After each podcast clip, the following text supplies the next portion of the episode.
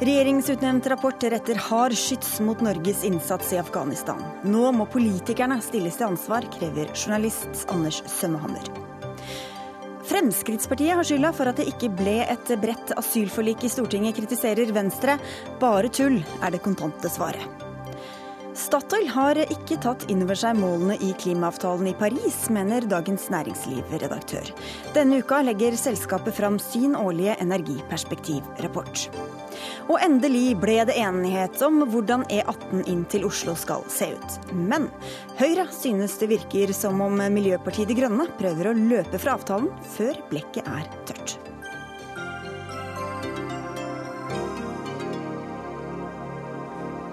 Dette er Dagsnytt 18 i NRK P2 og NRK2. Jeg heter Sigrid Solund.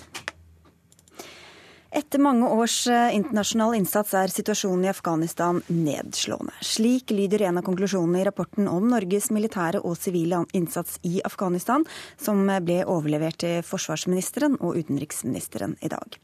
Ikke bare står Taliban sterkere enn noen gang siden 2001, men Norges bidrag til å bygge opp en stabil og demokratisk stat har mislyktes. I tillegg har store pengestrømmer, ofte i form av bistand, bidratt til omfattende korrupsjon i det afghanske statsapparatet. Tidligere utenriksminister Bjørn Tore Godal, du har ledet utvalget som har utarbeidet denne rapporten. Hva er det vi har feilet med, først og fremst?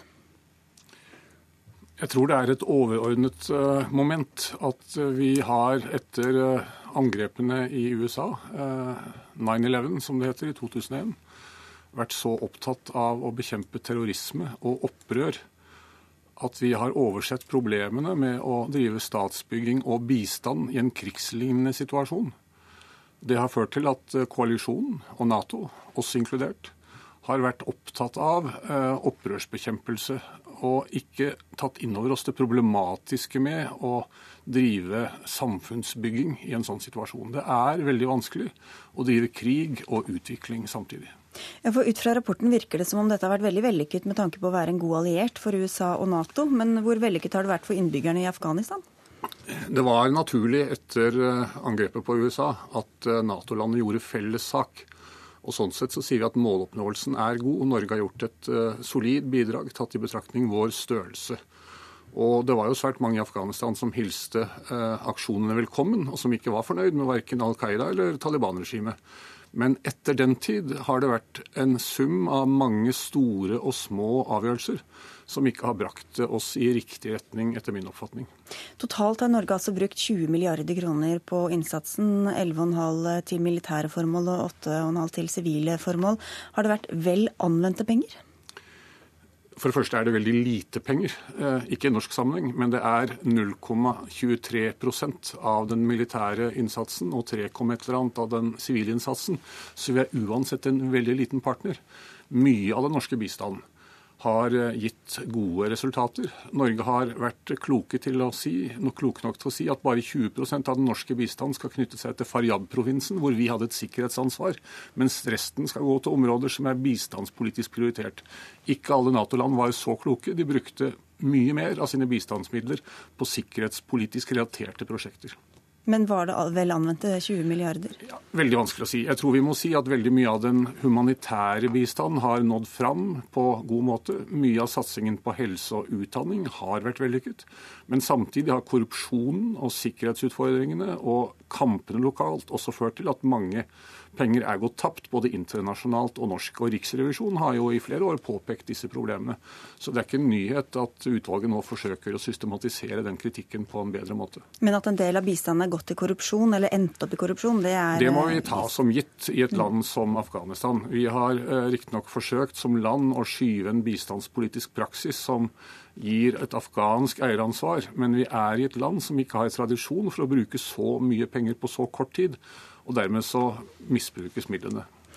Ut fra disse erfaringene som dere har samlet nå, hva bør ligge til grunn de gangene vi bestemmer oss for å være med i tilsvarende internasjonale operasjoner? Vel, Dette utvalget er jo ferdig med jobben sin, men vi anbefaler jo å satse på det vi på godt norsk kaller nisjekapasiteter.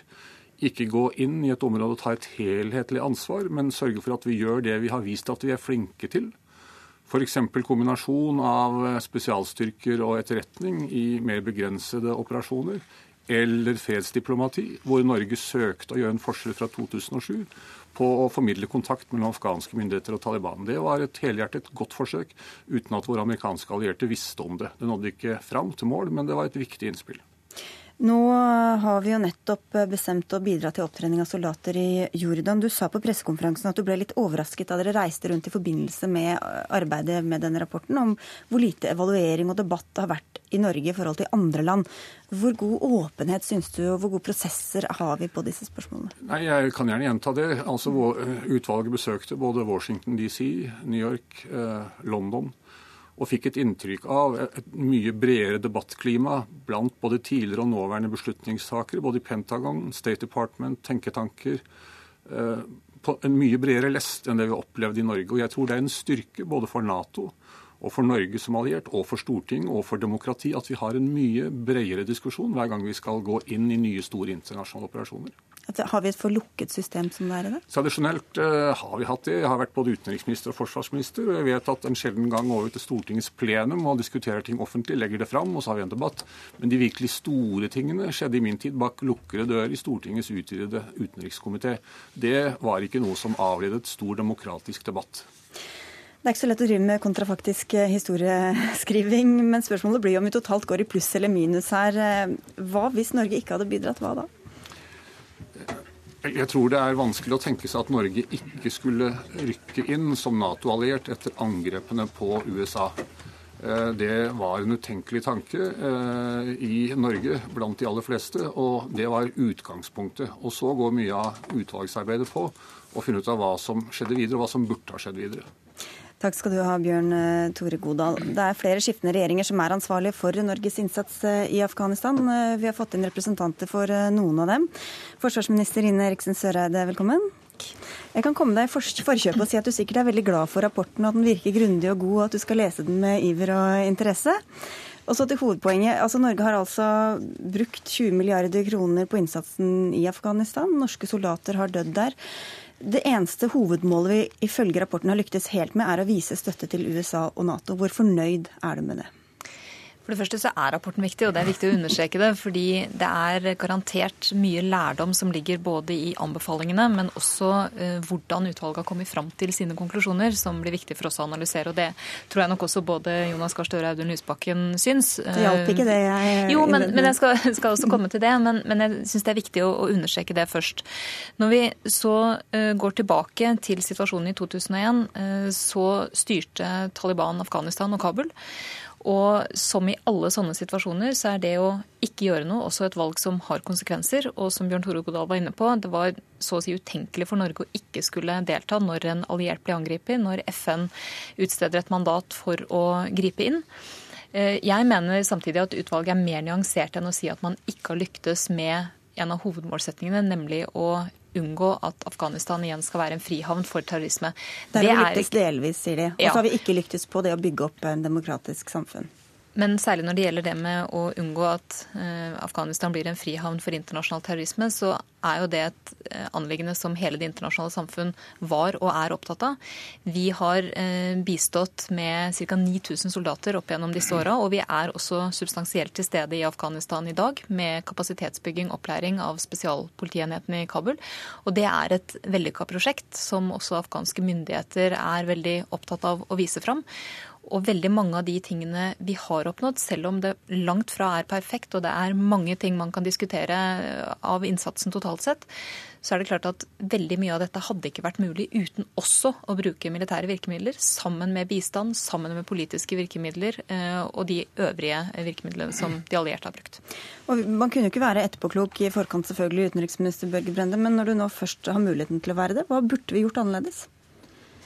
Nå må vi jo studere denne rapporten, for den kommer jo med en uh, stor meny på hva som også uh, kunne ha vært gjort uh, annerledes. Men jeg tror det spørsmålet man må stille seg, er hva er, og ville også situasjonen vært hvis vi ikke hadde grepet inn i 2001. I 2001 så satt Taliban med makta i Kabul. Det var sharia-lova. Jeg var jo i Kabul for, og i Afghanistan for to uker siden på en stor kvinnekonferanse. 400 kvinner 20% av parlamentarikerne er nå kvinner. Fire sterke kvinner i den afghanske regjeringa. Som de sa til meg i 2001, så var det ingen jenter nesten som gikk på skole i Afghanistan.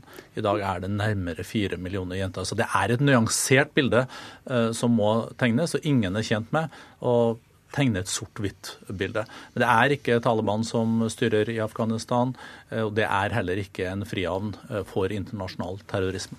Vi kan høre litt om situasjonen i Afghanistan, og dere kan få ta på dere headset. NRK-korrespondent Kristin Solberg, du er med oss fra Kabul. Hvordan vil du beskrive situasjonen i Afghanistan nå? Ja, Den er eh, ikke god, og jeg kan eh, starte det med et eh, nokså talende eksempel. Rett før sending så snakket jeg med en mann i slutten av 20-årene, og han fortalte meg at han har mistet fire venner i krigshandlinger bare i løpet av det siste året, og det er sivile. Og Det bildet det forsterkes når man ser på en hel rekke indikatorer. Vi ser at Taliban har mer territorium nå, eller kontrollerer mer territorium nå enn de har gjort noensinne siden 2001. Samtidig så ser vi at de sivile tar tapene blir høyere. I fjor var det nok et eh, rekordår, om man kan, eh, kan, kalle det det. Og vi ser også at antall internt fordrevne har økt med hele 240% siden 2013. Og samtidig, og det er også viktig å understreke, for parallelt med sikkerhetssituasjonen, så er den sosioøkonomiske situasjonen eh, også nokså dårlig. For mange afghanere har mistet jobben, eh, kanskje familiens eneste inntektsgiver, etter at mange utenlandske styrker og også utenlandske organisasjoner har trappet trappet ned eller trukket seg ut. Hva, hva blir sagt eh, blant den afghanske befolkningen om inntrykket, altså hvordan det gikk med den internasjonale operasjonen nå i etterkant?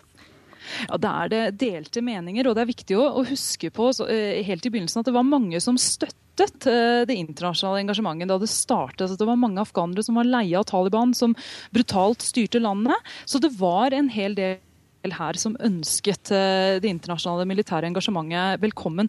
Men siden så har den entusiasmen dalt eh, nokså betraktelig. Og det har mye med feilslått strategi å gjøre. Eh, mange afghanere opplevde at de ikke har fått det spesielt mye bedre, at sikkerhetssituasjonen har blitt verre etter den første tiden. Og det er også en, en nokså utbredt opplevelse av at Nato kjempet da mest for egne interesser, og ikke ikke for afghanere, afghanernes interesser. Og Det inntrykket er forsterket nå som de fleste eh, Nato-soldatene har trukket seg ut. Så føler mange afghanere at de trakk seg ut mer pga. politiske hensyn hjemme enn av hensyn til situasjonen på bakken her i Afghanistan. Vi har med oss en til som har bodd mye i Afghanistan. Anders Sømmehammer, du er frilansjournalist og har bodd der eh, til og fra siden 2007. Hva var dine umiddelbare tanker da du har eh, kjapt lest gjennom rapporten i dag? Jeg ville blitt veldig overrasket om en ikke var kritisk. Det er eh, mange seriøse forskere som har jobbet med denne rapporten. De har hatt et veldig godt faktagrunnlag og et veldig godt kildegrunnlag. Og de, jeg, så langt som jeg har fått lest hittil, så virker det fornuftig mye av den kritikken som kommer fram der. Vi hørte Børge Brende bl.a. snakke om eh, kvinners rettigheter, altså ting som har gått riktig vei også. Men hva er det Norge har gjort feil, sånn som du ser det? Jeg tror det store problemet for Norge og alle andre land som deltok i Nato-operasjonen i Afghanistan, var at de ikke helt visste hva de ville. De skiftet mål, de skiftet strategi. Eh, og prøvde veldig mye forskjellig. Eh, samtidig som han da også var og drev en aktiv krigføring samtidig som han skulle drive demokratiseringsprosess. Eh, Godal var inne på det tidligere at det er veldig vanskelig. Og Det så vi tydelig i Faryab-provinsen, som da også var den norske provinsen, at det egentlig var umulig. De norske soldatene drev der i stadig større grad en aktiv jakt på opprøret. De prøvde å knuse opprørerne slik som også amerikanske styrker og de andre utenlandske soldatene gjorde i Afghanistan. Eh, det greide de ikke. Det som i stedet skjedde, var at opprøret vokste. Eh, jeg var nettopp i Faryab for to uker siden, og der er det veldig utrygt nå. Det er på ingen måte skapt fred eller stabilitet i den provinsen. Den er eh, mer ubehagelig og, mer, mer farlig enn noen gang. Og i deler av tida hvor vi hadde ansvar for denne sikkerheten, Jonas Gahr Støre, Arbeiderpartileder, så var du utenriksminister. Var det et mislykket oppdrag i Faryab? Er historien vellykket eller mislykket? Eh, vi sto midt oppi Det er det jeg spør om. Ja, og, og, og, svaret på det er ikke så lett å si ja eller nei. Eh, noe av det som gjorde mest inntrykk på meg gjennom de årene jeg eh, hadde ansvar, var at vi gikk fra å møte amerikanske ledere som sa at dette var en krig man kunne vinne, til å si at det var en krig man ikke kunne vinne. Det tror jeg vi fra norsk side mente fra starten at det ikke var en krig man kunne vinne. Afghanistan måtte kunne vinne Afghanistan selv, løse oppgavene selv. Og vi forsøkte jo så godt vi kunne med vår innsats, et lite land blant 40, eh, å vise at det var en annen vei. Og jeg mener vi hadde betydelig påvirkning i, i den retning. Noe av det som jeg konkluderte med, var jo at Afghanistans interne motsetninger, dype, kompliserte kulturelle motsetninger som vi har vanskelig for å forstå. Det viser rapporten ganske godt, og det er viktig å ta inn over seg. Det kan ikke vi løse. Det må Afghanistan løse, og de kommer til å streve med det i lang, lang tid fremover. Og det var en av grunnene til at jeg mener at eh, det var også riktig å trappe ned engasjementet, fordi militære styrker på fremmed jord år etter år etter år medvirker ikke til eh, fredelig utvikling. Jeg tror Afghanistan har en dramatisk framtid foran seg. Vi har et ansvar for å uh, være til stede så godt vi kan under de omstendighetene som er nå. Uh, men du får ikke et svar som er helt svart eller helt hvitt. Det er en komplisert sammensatt situasjon, og det kommer det til å fortsette å være. Eh, SV-leder Audun Lysbakken, du satt i den samme regjeringa, men dere har jo vært det eneste partiet som også ble trukket fram i rapporten her, som var mot denne norsk deltakelse. Hva viser rapporten som du ser den? Rapporten viser at det har vært en mislykket uh, krig. Uh, og på samme måte som Sømme Hammer uh, sa i sted, så er jo det grunnleggende problemet her at det fra starten av har handlet om en krig mot Taliban og Al Qaida, som ble solgt inn bl.a. til norsk opinion i 2001 som en krig for å skape demokrati, likestilling og framgang. Og etter 15 år så ser vi at det siste, denne visjonen om demokrati og nasjonsbyggingen, er ikke oppnådd. Men vi har heller ikke greid å få Taliban av veien. Eh, og det ligger noen veldig dramatiske konklusjoner mener jeg, i denne rapporten som norske politikere må ta inn over seg med et større alvor enn det jeg syns vi hører fra regjeringen her. Og det er, eh, for vi, vi har gjort de samme feilene i flere land. Denne ideen om at Vesten kan gå inn med sine våpen, bygge stater, bygge demokrati i en del av verden som vi har dårlige forutsetninger for å forstå, og enda dårligere forutsetninger for å styre, den er feilslått. Denne denne overstyringen av der militære hensyn har fått lov til å overstyre det eh, humanitære, og mangelen på en vilje til å søke dialog tidlig nok. Alt dette står i utredningen, og alt dette er jo ting som SV sa fra begynnelsen, og som vi fikk mye kritikk for å si, bl.a. fra høyresiden i norsk politikk. Eh. Ja, En av de viktige lærdommene jeg mener rapporten peker på, eh, uten at vi har gått inn i all bakgrunnen foreløpig siden rapporten kom i dag, er jo nettopp eh, hvordan man kan drive kapasitetsbygging. Og Det er jo et tema som jeg tror vi kommer til å høre veldig mye mer om i tida framover. Det kommer til å være den måten både vi og andre land eh, deltar på, både militært, humanitært og bistandsmessig framover.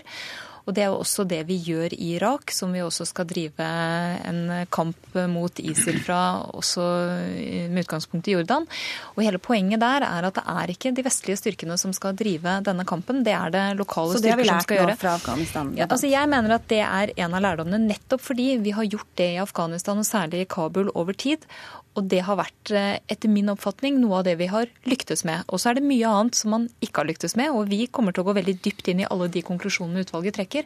Men det er mye lærdom å hente i at den mer kan vi si, nisjeprega, småskala eh, opplæring, opptrening av lokale styrker, det har vist seg å være noe som fungerer bedre enn mye annet som rapporten peker på. Det er veldig kort ja, Det er åpenbart noen ting som regjeringen da ikke har lært av dette. For det første så går vi nå nok en gang inn i en krig i en tidlig fase fase med et begrenset bidrag uten å ha noen garanti for hva det vil utvikle seg til i en ekstremt uoversiktlig situasjon. Men du kan aldri vite ting om hvordan, hva, jo, være sikre og nettopp, ha garantier? Men med de erfaringene vi nå har bl.a. i denne utredningen, så burde vi være mye mer forsiktige med å involvere oss i nye amerikanskledede kriger enn det denne regjeringen er. Og Det andre som er veldig viktig, som kommer fram i dag, syns jeg, det er jo betydningen av en åpen debatt.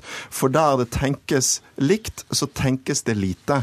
Og det, det, det regimet vi har i den norske utenrikspolitiske debatten, debatten, der alt drøftes i hemmelighet, der det ikke er et hovedtema på den politiske dagsorden, det er et er det stort problem. Og det gjentar seg nå i forbindelse med Syria. Børge Brende får svare på det kort. Jeg syns uh, Lysbakken er veldig høy og mørk her. Han satt med ansvar i åtte år uh, da SV satt i regjering for utforminga av denne politikken. Så å ta noe ansvar uh, ville ha kledd også SV her. Men la meg nå få gjennomføre dette resonnementet. Så um, er det denne regjeringa som nedsatte denne dette utvalget som har kommet med evalueringa.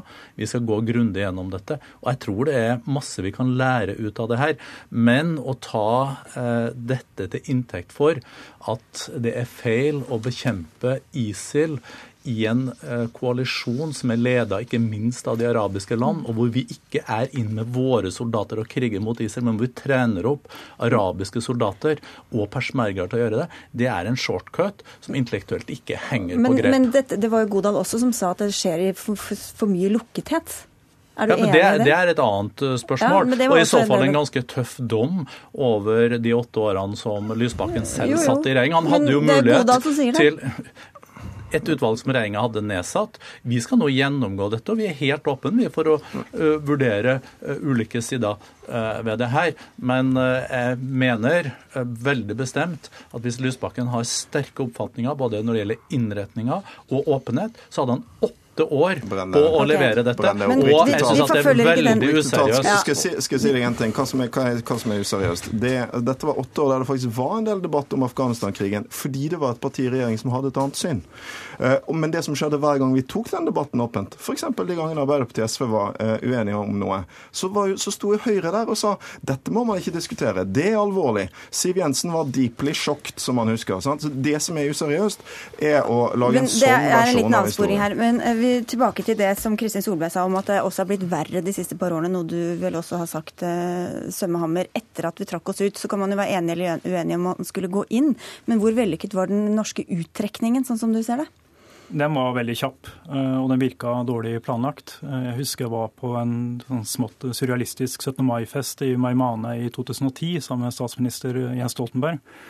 eh, Som da sa at på spørsmålet om hvor lenge norske styrker skulle være i provinsen, så svarte han at de måtte være der så lenge fram til afghanske sikkerhetsstyrker var i stand til å selv beskytte lokalbefolkningen. Så gikk det litt eh, mer enn to år, så trakk norske soldater seg ut av Faryab veldig kjapt, i september 2012. Eh, I, eh, I løpet av de to årene så hadde sikkerhetssituasjonen blitt eh, stadig verre, og i etterkant har den blitt enda verre. Eh, Da jeg var der nå, så var, den- var folk veldig redde. Mange av de jeg har truffet tidligere, har flykta pga. truslene. Eh, Og det, man har fått da militser, i tillegg til Taliban, som er på frammarsj. Man har fått lokale militser, som egentlig kjemper på regjeringens side, men som også kjemper internt. Eh, Så det var minst ti militssoldater som ble drept da jeg var der, da to regjeringstro militser gikk løs på hverandre. Og Det illustrerer vel litt av dilemmaene ved å gå inn et sted også, Jonas Gahr Støre. Ja, dette dette jeg- skjedde vel også på ditt initiativ? den Jeg prøver å vektlegge at dette er dilemmaer. Eh, Strømme Hammers kollega Karsten Jensen diskuterte Afghanistan med forleden dag, og da sa Jensen at han var for denne krigen til 2009. Og så så han at det gikk ikke riktig veien, og da var han mot. Jeg kjenner igjen det, for etter ni år, åtte-ni år kunne du se at dette er komplisert. Det er konflikter også som vi er langt fra å forstå. Interne konflikter. Det kommer til å fortsette. Og Derfor var det også riktig å trappe ned nærværet i Afghanistan. Gikk det for fort? Eh, nei, jeg mener en grunn til at det var riktig å gjøre det, var at vi trenger vår Nato-oppmerksomhet hjemme. Eh, I nærheten av oss. Vi har våre egne sikkerhetsbehov å se etter. Vi kan, Selv om det gikk utover de som Nei, men vi fikk en situasjon hvor altså eh, en generasjon offiserer som kunne mer om fjellene i Afghanistan enn fjordene i Europa, og, og det kan ikke vi ha. Men det er jo også fordi at du ser at nærværet av militære styrker over tid bringer ikke fred. Det bringer ikke ansvar til de som må ta det ansvaret. og Derfor så er enhver uttrekning eh, traumatisk i forhold til de områdene man trekker seg ut av. Eh, og det er selvfølgelig masse lærdom man må ha det. Ingen konflikt blir lik. Vi får aldri denne type situasjon igjen. Men jeg er tilbake igjen til det at hvis man kunne eh, hele historien eh, på rams når man tar beslutninger, så hadde det vært mye enklere, men sånn er det ikke. Eh, Og det som skjedde i 2001, eh, det var en situasjon så alvorlig at det var riktig å gå inn. Og så tror jeg det er riktig å si at det ble gjort mange feil underveis. Men jeg vil bare understreke, etter å ha vært norsk ansvarlig på ett område da i en del år, Norges mulighet til å endre kurs for en sånn stor operasjon med 40 land og Sikkerhetsråd og USA i spissen, den er til stede, men den er begrenset. Og jeg mener det boken får frem, eller rapporten får frem, at vi på en del vesentlige områder, som bl.a. fred og forsoning, dialog mellom afghanere, spilte Norge en rolle. Det er bygget, Jeg har vært og åpnet jente, gutte- og jenteskoler i Afghanistan som fortsatt er i drift etter dette. Så det står også igjen resultater som norske kvinner og menn i og uten uniform har grunn til å være stolte av. Vi må bare innom, innom en ting til som, Godal, som rapporten viser, nemlig dette med, med bistand. Eh, Vi har alle skjønt at dere var med på dette motvillig Lysbakken, men så fikk dere jo vridd til at det skulle gå en del til bistand, som da ender opp i korrupsjon. Var det verdt det, eller? Altså, det er jo ingenting som er svart-hvitt. Jeg tror det står igjen eh, mye bra etter de pengene, men det er også all grunn til Nå var det litt mer nyansert. Det, da, jo, men, jo, men altså, sant, Vi kjempet for å løfte den humanitære delen av dette og begrense den militære. Et stykke på vei fikk vi Lette det til. Lette samvittigheten gjennom å sende penger Nei, til korrupte men, men eh, flertallet i Stortinget ønsket at vi skulle ha disse soldatene der. Eh, de gangene SV i regjering sørget for å begrense det militære engasjementet, så var jo høyresiden veldig sjokkert over det. Jeg tror kanskje etterpåklokskapens lys at det var bra. Men, men en veldig alvorlig ting som står igjen etter Afghanistan-krigen, er jo at hjelpeorganisasjonene sier at det har blitt vanskeligere å gjøre deres jobb. Fordi Nato Her har jo Norge hatt en, en annen rolle, altså. Men eh, for mange land har blandet det militære og humanitære på en veldig farlig måte. Det er en lekse som er, er viktig. å si at Det gjorde ikke Norge. Det er riktig. vi sto imot det. Og la meg si når det gjelder bistand, Godal nevnte at vi ga bistand på en riktig måte når vi fordelte det.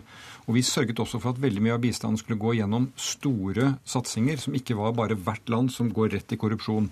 Eh, og det jobbet vi for. Jeg tror vi påvirket en del tenkning for det, men en del andre land tenkte annerledes. Ok, så er det. Og Et av punktene rapporten trekker fram som kritiske, er jo nettopp eh, den norske tilnærminga til et veldig klart skille i PRT i Maimane mellom sivil og militær innsats, og, vurderer om det kunne vært gjort på en annen måte. Og Det er for så vidt en kritikk som, som Høyre deler, og som vi også hadde i, i noen år.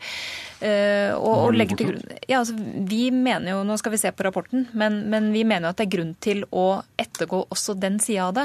Men jeg tror det som kanskje kommer til å stå igjen også etter uh, rapporten, og når vi skal diskutere den på en god måte, måte. For som sagt, jeg er helt sikker på at det er mange gode lærdommer her og mange gode analyser. Det er jo at vi verken da eller nå står i valget mellom ideelle alternativer der alt er svart-hvitt og lite komplisert. Det kommer til å være massevis av utfordringer. Det kommer til å være mange dilemmaer hele veien. Men i det landskapet så må vi som ansvarlige politikere fatte beslutninger som både tjener våre interesser og vår sikkerhet. Få innspill her fra Twitter om at det var visstnok Venstre som initierte denne, denne utredninga, som vi har hørt at regjeringa gjorde også. Men mens vi sitter her og leser rapporter, så lever det altså folk i Afghanistan med den virkeligheten som vi har vært med på å skape. Hva håper du at disse andre rundt bordet her lærer av det som har skjedd, hva, hva vi har gjort i Afghanistan? Jeg syns et av problemene her hjemme i Norge var lenge at eh, det var veldig vanskelig å diskutere krigen i det hele tatt. Vi hadde eh, ansvarlige politikere som ikke ville bruke begrepet krig engang, om hva som skjedde i Afghanistan. Det tok lang tid før jeg føler vi fikk en reell debatt om hva som faktisk skjedde i Afghanistan. Jeg håper de debattene om eh, framtidig, rundt framtidig norsk krigsdeltakelse blir bedre og mer åpne. Eh, jeg, samtidig så er jeg, litt, er jeg usikker på om det vil skje. Nå kommer denne evalueringen nesten eh, eh, over 15 år etter at krigen starta. Den kom veldig sent. Det ble diskutert på mye tidligere tidspunkt om det var fornuftig med en evaluering mens fortsatt det var mange norske soldater i landet. Det tror jeg hadde vært fornuftig. Det tror jeg hadde vært bedre for den afghanske befolkningen. Og så tror jeg at vi vil se at Norge kan komme til å delta veldig kjapt i krig igjen, for det er ikke her beslutningene nødvendigvis tas. Men at vi da gjør det i offentlig ende og kaller det det det faktisk er, Børge Brende? Det som uh, nå skjer i Irak og i med utgangspunkt i Jordan, hvis det er det man uh, henviser til, så er jo det en helt annen situasjon. Der driver vi kapasitetsbygging. Mm. slik at Man kan jo kanskje av politiske årsaker, hvis man er imot det, uh, se seg tjent med å slå de sammen og sammenligne det, men det er faktisk ikke Eh, korrekt. Men det vi skal lære av denne rapporten, er at eh, vi skal ha gode prosesser. Eh, man kan gjerne evaluere underveis, men det som er vesentlig for det afghanske folk, det at vi nå ikke glemmer Afghanistan, at vi fortsetter å være en stor bidragsyter og en bistandsyter, men gjerne til frivillige organisasjoner, til humanitære eh, organisasjoner. Vi må påse at ikke våre bistandspenger går til korrupsjon og til direkte budsjettstøtte. Ok, Støre kalte det en bok. Det er vel egentlig ikke en underdrivelse når vi ser antall sider her. Så... det kunne vært mye tykkere. Jeg tror det har gjort et godt arbeid i å få det ned på såpass få sider. Vi får gå hjem og lese. Takk skal dere ha alle sammen. Ine Eriksen Søreide, Børge Brende, Jonas Gahr Støre, Audun Lysbakken, Anders Sømme Hammer og Kristin Solberg. Dagsnytt 18 alle hverdager kl 18.00 på NRK P2 og NRK2. Det blir likevel ikke noe bredt asylforlik på Stortinget. Regjeringa får bare oppslutning om drøyt 20 av de 40 punktene til innstrammingstiltak, viser dagens innstilling fra kommunal- og forvaltningskomiteen. Høyre ønsket i utgangspunktet et bredt forlik, men det andre regjerings regjeringspartiet, Fremskrittspartiet, ville heller stemme over ett og ett forslag. Og nå skylder dere på dem for at dere ikke får noe bredt forlik, Venstre-leder Trine Skei Grande. Hvis man skal sette seg ned og lage et forlik, så må man sette seg ned og jobbe sammen. Og, og kanskje bytte noe flertall av og til ut fra hva som er viktig for de enkelte. Jeg hadde ønska at dette skulle være et område der vi kunne ha brede forlik, sånn som statsministeren tok initiativ til. Nå merker jeg meg at vi har mer gjennomslag i det som vi får flertall for på Stortinget nå, enn hva regjeringa har med sine. Og når de heller ikke valgte å høre på de innspillene vi kom med i høringsprosessen, så, så er det ikke så rart at vi ender der vi ender nå. Ja, for Hva gjør denne fremgangsmåten med hva slags politikk som da kommer til å bli ført? Nei, det er soleklart at vi har en, en innvandringsminister som nå går på et uh, sviende nederlag fordi at hun ikke var villig til å snakke med andre. Uh, det viser at det er ikke noe stor gjennomslagskraft på dette området. Det er viktigere å tape enn det er å få gjennomført noe. For Venstre var det viktig å få gjennomført innstramminger som var kloke og gode innenfor folkeretten og innenfor det rammeverket som er viktig. Så vi la inn våre forslag, og i dag fikk vi flertall for 20 av dem. Eh, og jeg tror at mange av de forslagene som nå ligger i bordet, har brynt seg på hverandre i diskusjonen mellom partiene og blitt mye bedre. Helgan Renjåstad, Njåstad, du leder kommunalkomiteen på Stortinget for Fremskrittspartiet. Hva slags ansvar har dere for at det ikke blei noe bredt forlik?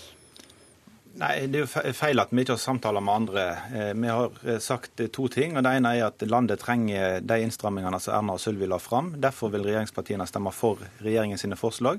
Men så har vi òg sagt at vi vil samtale med andre med sikte på å finne subsidiære standpunkt der vi gir og tar, eh, for å få på plass gode innstramminger. Og Vi har samtaler med mange partier, òg Venstre og KrF, men òg Senterpartiet og Arbeiderpartiet. Og faktisk har vi kommet Arbeiderpartiet i møte på et par punkter og gjort at de har støtta regjeringen på noe. Eh, men for oss er det viktig å stemme for helheten i det som regjeringen legger fram òg, fordi vi eh, er avhengig av det for å få kontroll over situasjonen for landet. Men hvorfor er det viktigere for dere at hvert enkelt eh, forslag skal stemmes over, enn å sammen med de andre partiene komme fram til et forlik? Og dermed få en politikk som er nærmere det dere mener er bra for Norge? Fordi Det var ikke mulig å komme nærmere. Vi har jo forsøkt å samtale med andre partier, men det var ikke mulig å, å få på plass de innstrammingene som vi mente var nødvendig. Selv om vi ikke gir helt opp ennå. Vi regner med at det skal bli spennende fram til fredag, og håper at det er bevegelse i de andre partiene. Vi gir iallfall ikke opp muligheten å få på plass flest mulig innstramminger, og vil samtale videre helt fram til Stortinget skal stemme. For eh, dette handler ikke om eh, prosess for oss, men det handler om realiteter, hva som er viktigst for landet. og Da eh, syns vi at den pakken som Sylvi Erna la fram, er et minimum av det landet trenger. Ja, det har ikke vært invitert til noe forlik. Det, Frp sa klart fra dag én at vi kommer til å stemme primært, og da er det ikke noe forlik. Hvis du stemmer bare på det du primært mener, og aldri er villig til å fire på de forslagene du har kommet med, så er det jo ikke noe vits å sitte og forhandle. Da kaster vi bort masse tid. Så det som har skjedd, er at Frp og regjeringa har stilt seg helt på utsida av prosessen, og så har vi andre sittet og diskutert og, og argumentert for våre forslag, og mange av de forslagene og innstrammingene har vi fått flertall for. Så det som er dumt her, det er at hvis regjeringa mener at Sylvi Listhaug er deres sterke kort, så har de nå latt det kortet bare gå ned med flagget til topps, og de får ikke gjennom det de egentlig vil. Hva kunne dere gått med på i, for, i, reelle forhandlinger, da, og kanskje følt dere forpliktet til å gå med på, som dere nå ser bort fra og stemmer imot? Ja, Det som var bakgrunnen for Venstre sin Eh, sinne og oppgitthet over det opprinnelige forslaget handla om at det er brudd på folkeretten og brudd på en del sånne rettsstatsprinsipper som vi syns det er viktig å holde. Men det går an å ramme inn forslag på en måte som gjør at vi holder oss innenfor det lovverket vi også har internasjonalt. Og det er det vi har gjort i den dialogen med andre partier. I tillegg så har vi lagt fram 20 forslag i vår alternative innstrammingspakke, og alle dem har vi, alle de forslagene vi har lagt inn i behandlinga nå, har vi nå fått flertall for.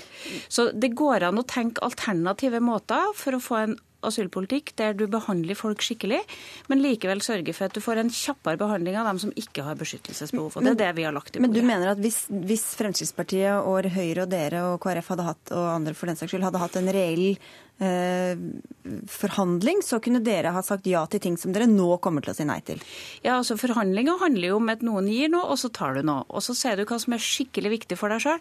Men det går ikke an når du skal ha en mindretallsregjering, eller for Venstre også, å gå og si at alt er like viktig, og jeg vil stå på alt, og enten så tar du alt, eller så tar du ingenting. Det er en dårlig måte å gå inn i et forlik på. Vi i Venstre vi er vant med at vi må prioritere hva det er som er viktigst for oss. Det som var viktig her, var å få til en innstramming innenfor folkeretten, innenfor det regelverket som vi syns det er viktig å holde når det gjelder rettsstaten sine prinsipper. Og ja. det la vi i bordet, og det fikk vi sannelig flertall for. Men da kan dere ende opp med en totalitet som er mindre streng enn det dere ville fått hvis dere gikk inn jo, i forhandlingene. Det, det høres jo veldig merkelig ut dette at da at vi skal fremme eh, alle forslag som vi mener er nødvendig for landet eh, i nasjonalforsamlingen, eh, at vi ikke skal få lov til det, og at det er uklokt av oss å gjøre. Det er jo ikke demokratisk sinnelag å, å si at partiet skal ikke få lov å sette fram den politikken de mener er nødvendig. Eh, men vi har sagt at vi vil gjøre det. Vi vil stemme for det som vi mener er nødvendig, men så kan vi subsidiert gå med på ting som er nest best. Eh, og Det har vi gjort i dialog med Arbeiderpartiet på en rekke punkt da de kom til oss i møte, og vi kom til dem i møte. Eh, men du kan ikke plassere ansvaret for at det blir mindre strengt på det, de partiet som i 30 år har vært opptatt av å være streng. Men vi vet jo hva dere egentlig mener og hva dere vil. Men hvorfor ser dere ikke mer på hva dere kunne fått til, enn Fordi hva vi, dere kan få måte, demonstrert i Stortinget? Vi har jo prøvd da, og den dialogen eh, munner jo ut i at man ikke ville gå i den retningen vi ville. Man ville vatne ut forslagene sånn som man nå ser konturene av. Så det var ikke mulighet for oss å oppnå noe strengere med, gjennom dialog med andre partier. Men de sa jo nei til et forlik. Det er jo det som ligger i bunnen her. Altså, Før jul så satt alle vi parlamentariske ledere oss ned, prøvde å bli enige om et uh, dokument. Der gikk SV og MDG ut, men alle vi andre ble enige om et innstrammingsdokument som var arbeidsoppgaven til regjeringa. Så kommer regjeringa tilbake og sier sånn løser vi den arbeidsoppgaven, men vi er ikke villige til å snakke med dere etterpå. Det skal være normal komitébehandling. Det skal ikke være noen parlamentariske ledere som setter seg ned. Det er ikke viktig for oss å få flertall, men det er viktig for oss å stemme primært. Det er fair. Vi har alle sånne saker der det er viktig for oss å vise det primære standpunktet. Men, men det som er resultatet her, er da at Venstre sin innstrammingspakke får flertall. Regjeringen får ikke det. Men hvorfor, Dere har jo opprinnelig gått med på f.eks. For dette forslaget fra regjeringa om å øke botidskravet for familiegjenforening. Dere har gått med på det fra før av, men hvorfor gjelder ikke det lenger bare fordi det ikke skal forliksbehandles? Nei, Det som ikke gjelder, er at regjeringa har lagt fram en pakke som går langt utafor den avtalen de har med oss. Og da har de sagt at den avtalen ikke gjelder i dette tilfellet, og da kan den heller ikke gjelde oss. Det kan ikke være sånn at du lager en avtale avtale som ikke gjelder en av partene, mens den andre parten skal forholde seg til. Men, men dette, dette, dette, vi, vi, mener ikke at vi har brutt noen avtaler. Regjeringa har ikke sagt at de har brutt noen avtaler, men dette er en spesial tilfelle for å foreta innstramminger. Og da har vi foreslått andre typer innstramminger som vi tror er mer virkningsfulle. Men det er jo 161 representanter som har bedt regjeringen komme tilbake med ytterligere forslag til innstramminger. Eh, og da er det litt spesielt at, eh, at så mange partier velger å si nei takk til dem. Eh, at Venstre har den holdningen er kanskje ikke så overraskende. Men at Arbeiderpartiet... Men hvis dere hadde firt litt på kravene under, en, under forhandlinger, så hadde dere fått mer gjennomslag enn det dere får nå? Eh, nei, det er ingenting som tyder på at, eh, at Venstre og KrF ville støtta eh, mer av de innstrammingene ved en sånn framgangsmåte. Men det overraskende er jo at Arbeiderpartiet, som ikke stiller i denne debatten, sa i romjula at dette var helt OK i desember. Og så hadde de et lite oppgjør, og så nå er de plutselig på helt andre linje og faktisk òg støtter et forslag om at man skal hurtigbehandle asyltilkomster. Om den overlever på fredag i voteringen i Stortinget, tviler jeg på, men Arbeiderpartiet bidrar til et flertall om å be regjeringen legge til rette for å behandle innvilgelsene enda raskere. Ja, Som du sier, så har de takket nei til å være med her i dag. Men hvor viktig var det for dere da å synliggjøre deres politikk, altså Arbeiderpartiets politikk? Eh, F.eks. med tanke på neste valgkamp, eh, og si at her stemte dere nei, her stemte dere nei, osv. Det viktigste for oss nå er å være ansvarlig overfor landet med å ikke få en tilstrømming til, til Norge som er ute av kontroll. Eh, derfor så ville vi ha en streng innvandringspolitikk. og Når ikke vi oppnådde den gjennom dialog med andre partier, så vil vi selvfølgelig fremme den demokratisk i Stortinget, som vi har rett til å gjøre. og så får det være opp til stortingsflertallet om de ønsker å være streng, eller om de bare sier i desember at de skal være streng. Mm. Alle politikere har lov til å fremme de forslagene de vil, og noen kan gå ned med flagget til topps. For meg handler politikk om hva du får til, og her er dommen ganske klart. Her er det vi som har fått til forslagene våre, men vi snakker gjerne med regjeringa fram til fredag. Og vi altså, hvis, ja, de har, ting. Hvis, de, hvis de har gode forslag til oss på, på på gode løsninger som vi kan eh, veie oss imellom,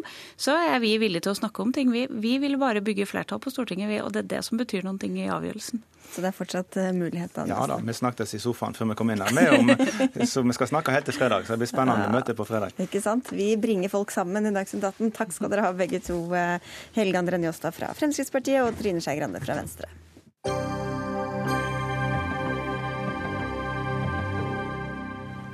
Oslopakke 3 har skapt hodebry og engasjement i eh, årevis. Nå nærmer vi oss en fasit. Etter lange og krevende forhandlinger kunne politikerne i Oslo og Akershus i formiddag endelig presentere avtalen om Oslopakke 3, en eh, felles plan for utbygging og finansiering av vei og kollektivtrafikk fra 2017 til 2036, med en økonomisk ramme på 75 milliarder kroner. Trafikken inn til hovedstaden skal reduseres med 15% innen 2019, og det betyr bl.a. høyere bompengesatser, rushtidsavgift og nye T-baner til Fornebu og Ahus. Lan Marie Nguyen Berg, du er byråd for miljø og samferdsel i Oslo for Miljøpartiet De Grønne. og Dere har stått langt fra hverandre i forhandlingene. Du sa det var ikke enkelt å hale i land denne avtalen. Hva er det viktigste dere har blitt enige om, da? Det er klart at dette har vært krevende forhandlinger, men nå har vi kommet fram til en enighet. Og det viktigste vi har blitt enige om, det er jo at vi har fått en samferdselspakke, en kollektivpakke for Oslo og Akershus som finansierer de viktige prosjektene.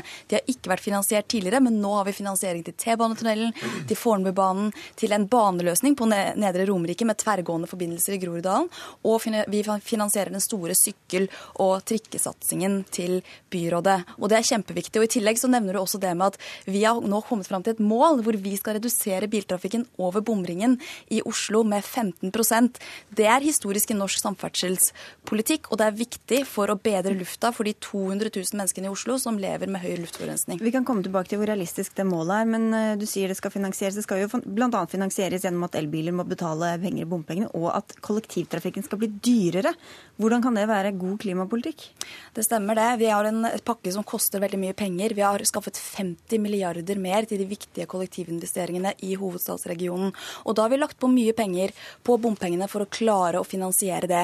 Og på kollektivtrafikken, hvordan henger det sammen? Ja, ikke sant. Vi har økt bompengeprisene med nesten 100% Og så har vi, økt, og så har vi sett behovet for også å øke kollektivprisene litt. Og det var for å komme i gang, eller for å ha det i en avtale. Det var ikke mitt primærstandpunkt, men det er for at vi skal klare å få finansiert dette på en måte som vi alle kunne bli enige om. Men det dere ikke har vært uenige om, som er det store stridsspørsmålet, er jo E18-utbygginga.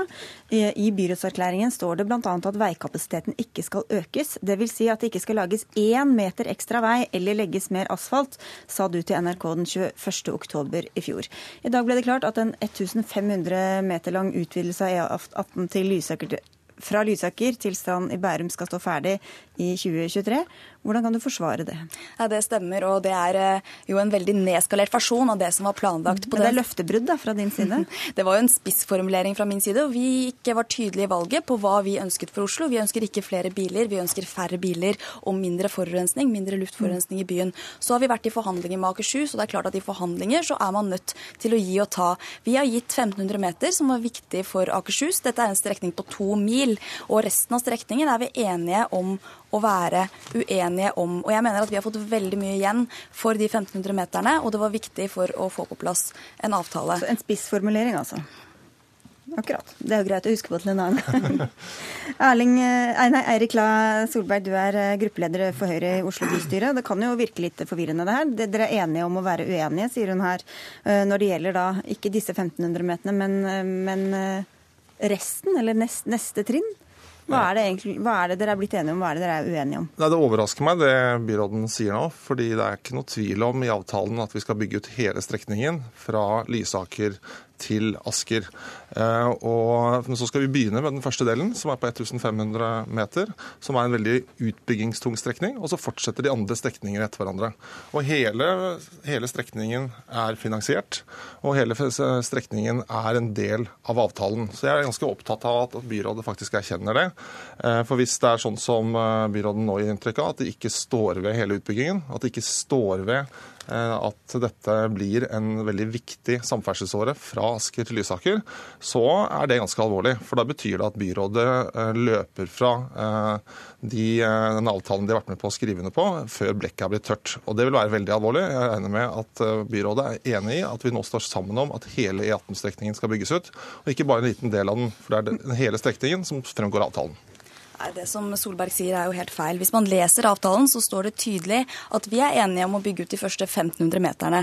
Dette er som sagt en strekning på omtrent to mil fra Lysaker til Asker. Og resten av strekningen så er vi enige om å være uenige, og vi ber Statens vegvesen om å gå tilbake til tegnebrettet for å tegne strekninger på nytt på en måte som reduserer kostnadene, og som ikke øker kapasiteten. Og jeg undrer meg over at Solberg nå er en så eh, standhaftig forkjemper for denne veien.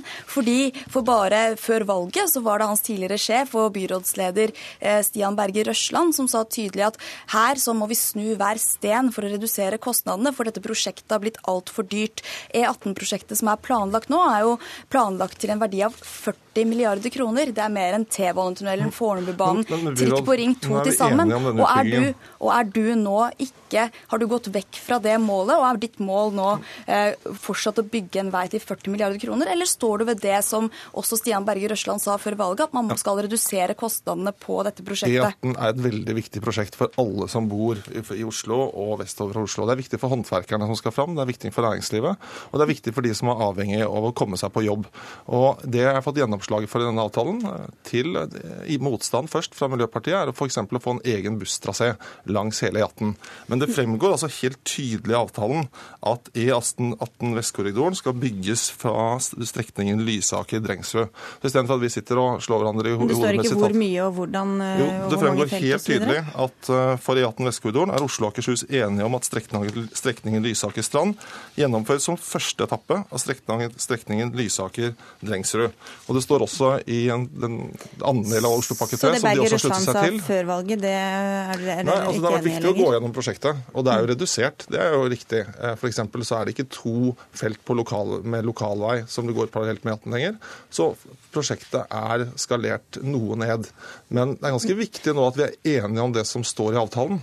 Eh, og det står helt tydelig i avtalen at hele prosjektet skal realiseres fra Asker til Lysaker. Vi skal slippe det igjen til, men først bare Njan Berg her. Altså, hvordan er det mulig å signere på en avtale hvor, som tydeligvis er så uklar at dere ikke engang er enige om hva det som står der? Jeg tror at denne avtalen her er tydelig på at vi er enige om å være uenige om de konkrete løsningene for strekningen. Og det vil alle som går inn på Statens vegvesen og laster ned avtalen og leser den, de vil finne ut at det stemmer.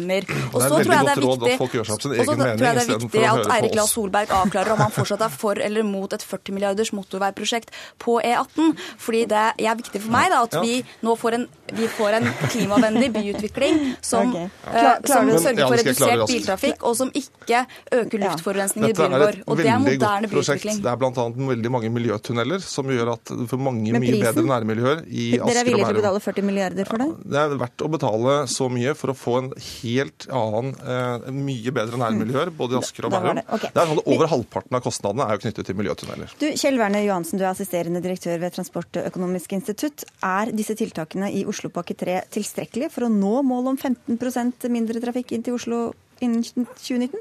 Eh, det er ikke så mange av disse tiltakene som får virkning før 2019. Det er jo E18 vil vel være sånn begynt å bygge, og det samme gjelder en del av disse banetingene. Så da er det jo den bompengeløsningen som som er et viktig element eh, her. Og Den er jo spennende. Nå går den fra en bompengeordning som er 26-27 år gammel, eh, konstruert og plassert med bomstasjoner, sånn at det skulle være sånn i passe avstand mellom eh, bygrensen og Oslo sentrum, altså inne i Oslo.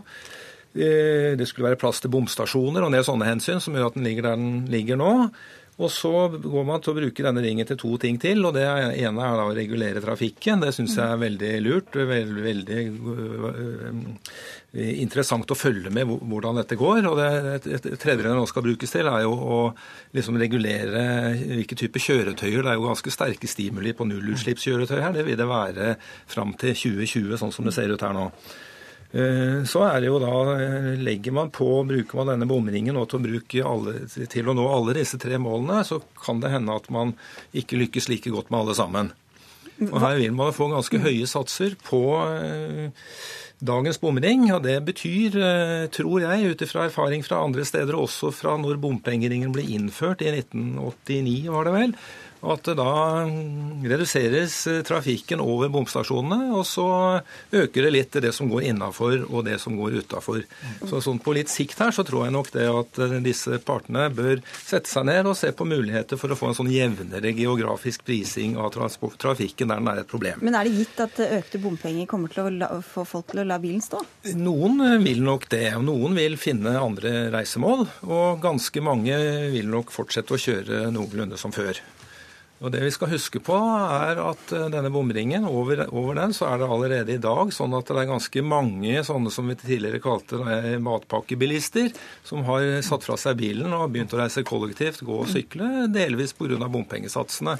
Okay. Eh, og Det betyr igjen at den trafikken som er igjen på veiene, det er den som vi ikke kan ta bussen eller gå og sykle. og Da har vi en, en økende Antagelig en sterkt økende sånn uh, trafikk med folk som har jobben sin på veien. Ok, Dere må få ti sekunder til slutt, begge to. Det som er viktig er at Vi nå er enige om et mål om å redusere biltrafikken med 15 over bomringen over de neste årene. Mm. Det vil gjøre at de 200 000 menneskene som i dag sliter med for høy luftforurensning, 180 000 av de vil få det bedre over de neste årene, og det er viktig. Og så er det veldig viktig at vi har blitt enige om at E18 skal bygges ut fra Asker til Lysaker. For det betyr veldig mye for de som er avhengig av å reise fram og tilbake hver eneste dag. Og der er vi enige om å være uenige. Nei, men det er vi ikke. Dette blir noe mm, Da får alle gå inn og lese det på denne nettsida. Takk skal dere ha, begge, eller alle tre, for at dere kom til Dagsnytt 18.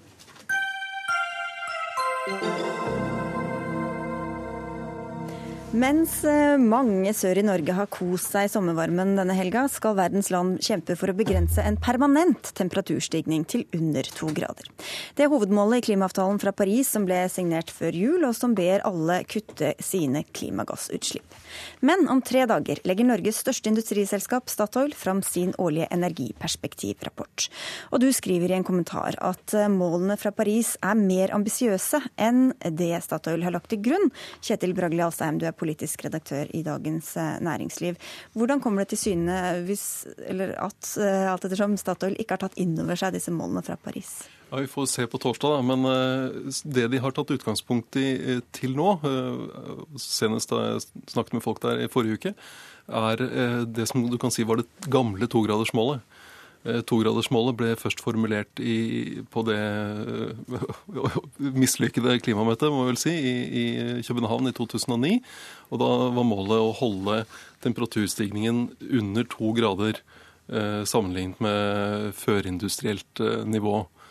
Eh, det som skjedde i Paris, var at eh, det ble skjerpet. Man fikk en annen formulering, der det nå heter 'godt under to grader'. Eh, ingen vet hva godt under, altså hva er forskjellen på under og godt under, men eh, formuleringen er jo mer ambisiøs enn, den var eh, til nå, og det var, kom som en overraskelse i Paris. Og Det kan, kan bl.a. bety hvor mye, eller få, betydning for hvor mye olje og gass man skal hente opp? Det har jo betydning for, for hva betyr, hva, hvordan vil markedet for olje og gass være. Det er jo det Statoil ser på. De lager baner for hva de tror om utviklingen av behovet og, og markedet for olje og gass, og de bruker det når de skal eh, diskutere f.eks. er det riktig å lete etter olje og gass i Barentshavet og den slags. Og de, de, banene vil jo bli litt annerledes når målet blir mer ambisiøst. Mm. Eirik Wærnes, du er sjeføkonom i Statoil og er med fra studio i eh, Stavanger. Tar dere hensyn til at eh, togradersmålet er blitt til kanskje halvannengradersmål? Ja, det vi tar hensyn til, eh, Nå får vi jo vente til torsdag når, det gjelder, når rapporten kommer. Men det vi tar hensyn til i vår tilpasning, er jo at vi legger til grunn at verdens eh, klimapolitikk vil bli vesentlig strammere fremover. Eh, og den vil bli vesentlig strammere enn det den er i dag. I dag er ikke verdens energi- og klimapolitikk veldig stram. Eh, vi ønsker lavere CO2-utslipp. Vi er pådriver for en effektiv klimapolitikk, og vi er pådriver for økt bruk av karbonprising for å sikre en effektiv tilpasning mot lavere utslipp. Men hvordan konkret eh, kommer det til syne da at, eh, at dere sikter dere inn mot en halvannen grads oppvarming i stedet for, med tanke på hvilke prosjekter dere går inn for f.eks.? Ja, nå, nå, hører det med til historien, og det påpeker jo Alstein også i sitt innlegg, at, at Parisavtalen den, den forplikter nasjonene til å følge de tiltakene de meldte inn, de målene de meldte inn. Det er en serie med mål eh, som ikke inneholder tiltak. De målene er ikke stramme nok til å sende CO2-utslippene nedover mot det som er konsistent med det gamle togradersmålet. Eh, selv om, du selv om du legger til grunn en ytterligere tilstramming fra 2025 og utover. I tillegg inneholder avtalen en ambisjon om å gå, gå lenger. Det er veldig få analyser som har sett på hva som skal eventuelt skal til for å få utslippene enda lenger ned enn det som ligger til grunn for togradersmålet. Det er bl.a. slik at det ikke finnes analyser av hva som da kreves av tilpasning i andre sektorer, energisektoren.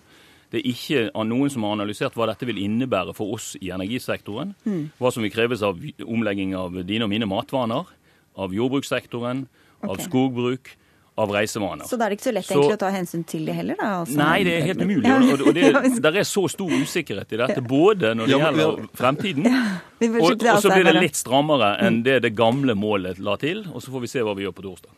Ja, eh, og det, det, er viktig det vi er inne på her, at eh, det er ikke bare en, innstram, altså en strammere mål på at det skal være ikke bare under to grader, men godt under to grader. Det er også det at man skal strebe mot å holde eh, temperaturstigningen på maks 1,5 grad. Og det er det, det er det laget få analyser av. Eh, sånn at FNs klimapanel har fått i oppdrag å lage en egen spesialrapport som skal komme om to år om det. Men det ligger jo der som en, en kjempestor usikkerhet for et selskap som Statoil. For hvis verden virkelig eh, følger opp Parisavtalen, så vil jo det bety en veldig mye raskere omstilling man må kutte utslippene mye fortere. Eh, noe av det som Statoil gjerne bruker i argumentasjonen for, for hvorfor de skal lete etter eh, mer gass særlig, er at gass kan være en bro over til fornybarsamfunnet. Hvis man skal ha et, opp, klare et halvannengradersmål, så blir jo den broen enten ikke noe bro eller veldig kort. Mm. Og det har betydning for Statoil, det har betydning for investorer. Altså, dette handler jo om eh, hvordan skal investorene i aksjemarkedet vurdere Statoil utenfra. Eh, og Da må jo Statoil legge fram, selv om det fins få analyser av det, så må jo Statoil komme med sin vurdering. Hva, gjør, hva betyr det for oss som selskap hvis verden faktisk Eh, setter inn tiltak for å klare å holde et 1,5-gradersmål. Men med tanke på hvordan målsettingene er blitt fulgt opp av praktisk politikk de siste årene, så er det kanskje ikke så rart eh, dersom eh, Statoil sånn litt markedsmessig satser på at det ikke blir noe av det halvannengradersmålet? Nei, men da må de si det rett ut. Hvis det er sånn at Erik Wærnes og Statoil mener, tror at politikerne ikke vil følge opp Parisavtalen, så må de si det rett ut til eierne og til aksjemarkedet og til politikerne, sånn at de kan vurdere Statoils, eh, Statoils argumenter, bl.a. i diskusjonen om Barentshavet og i diskusjonen om eh, Lofoten og Vesterålen. Hvorfor gjør dere ikke det der, Wærnes? Ja, nå er det for det første slik at Vi legger til grunn at Parisavtalen blir gjennomført. og Da, begynner, da må man ta utgangspunkt i det de ulike nasjonene Hva betyr det? Betyr, ja, ja, da, da, kan, da, kan jeg få lov å snakke ferdig? Ja, bare, du viste til hva landene hadde lagt inn Eh, på forhånd. Og det er jeg helt enig i. Det, alle vet det, Du klarer ikke det gamle togradersmålet heller med det som er lagt inn av ambisjoner Nei. til nå. Men det ligger jo i avtalen at landene skal skjerpe disse, ja, vi, disse målene. Det, det da, planlegger dere mer skjerpede mål?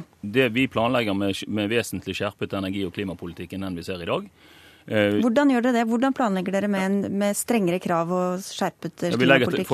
Eksempel til grunn at det finnes en, det finnes en pris på, på, karbon på 50 dollar per tonn over hele verden, til tross for at gjennomsnittsprisen på karbon i dag er ca. null. Men har det, har det fått eh, noe å si for hvilke Men, områder dere ønsker å gå inn i, f.eks.? Det som er litt av uten, Nei, for det har bl.a. med at usikkerheten om fremtidige kostnader, om fremtidige funnstørrelser og olje- og gasspriser er, er, også betydelig. Vi må likevel planlegge for det. Det er ingen som vet hva kostnadene med å utvinne olje og gass i ulike provinser er om ti år. Så alt i alt så har ikke de klimamålene noe å si for jo, deres Jo, det har de selvfølgelig. Mm. Og, og det som, eh, men det som er veldig viktig å få frem her, er at forskjellen på togradersmålet og 1,5-gradersmålet, hvis det er noen som ønsker det, i forhold til når de utslippsreduksjonene må komme, hva de innebærer av tiltak på ulike sektorer både før og etter 2050, hva det eventuelt vil koste å gjennomføre. For ikke å snakke om hva linken mellom CO2, det siste CO2-utslippet og den ekstra temperaturøkningen er. Alt det er veldig usikker. Det kan hende den største forskjellen mellom et gammelt togradersmål og et nytt strammere mål er at vi må gjøre mer etter 2050 enn før. Eh, alle seriøse scenarioer for fremtidens energiutvikling inneholder mye mer olje og gass enn det som potensielt kan produseres fra eksisterende felt. Derfor må vi fortsette å leite. Vi må gjøre det så billig som mulig, og så må vi bygge ja. ny fornybar energi. Jeg tror jeg må ønske deg tilbake på torsdag. Alsheim, du skal få 20 sekunder på slutten. Ja, men de, de scenarioene Værnes viser til her, er jo basert på det gamle togradersmålet. Og de er basert på at man bare har en 50% sannsynlighet for å nå det gamle togradersmålet. Og det holder jo ikke hvis politikerne faktisk vil eh, prøve å holde temperaturstigningen under 1,5 grad. Så på torsdag får vi se Wernes, om dere styrer mot 50% gambling av togradersmålet eller eh, halvannengradersmål. ja, det kan, det, når det gjelder, når det gjelder usikkerheten som er her, så det, det er absolutt ingen som kan være sikker på noen ting som helst. Og hvis vi skal være absolutt sikre på alt som skjer fram til 2100, så er det vanskelig å lage prognoser. Vi får se. Takk skal dere ha begge to, Kjetil Astaheim og Eirik Wærnes. Dagsnytt 18 er over for i dag. Det var Dag Dørum, Frode Thorshaug og jeg, Sigrid Solen, som hadde ansvaret for den, og ønsker en god kveld videre.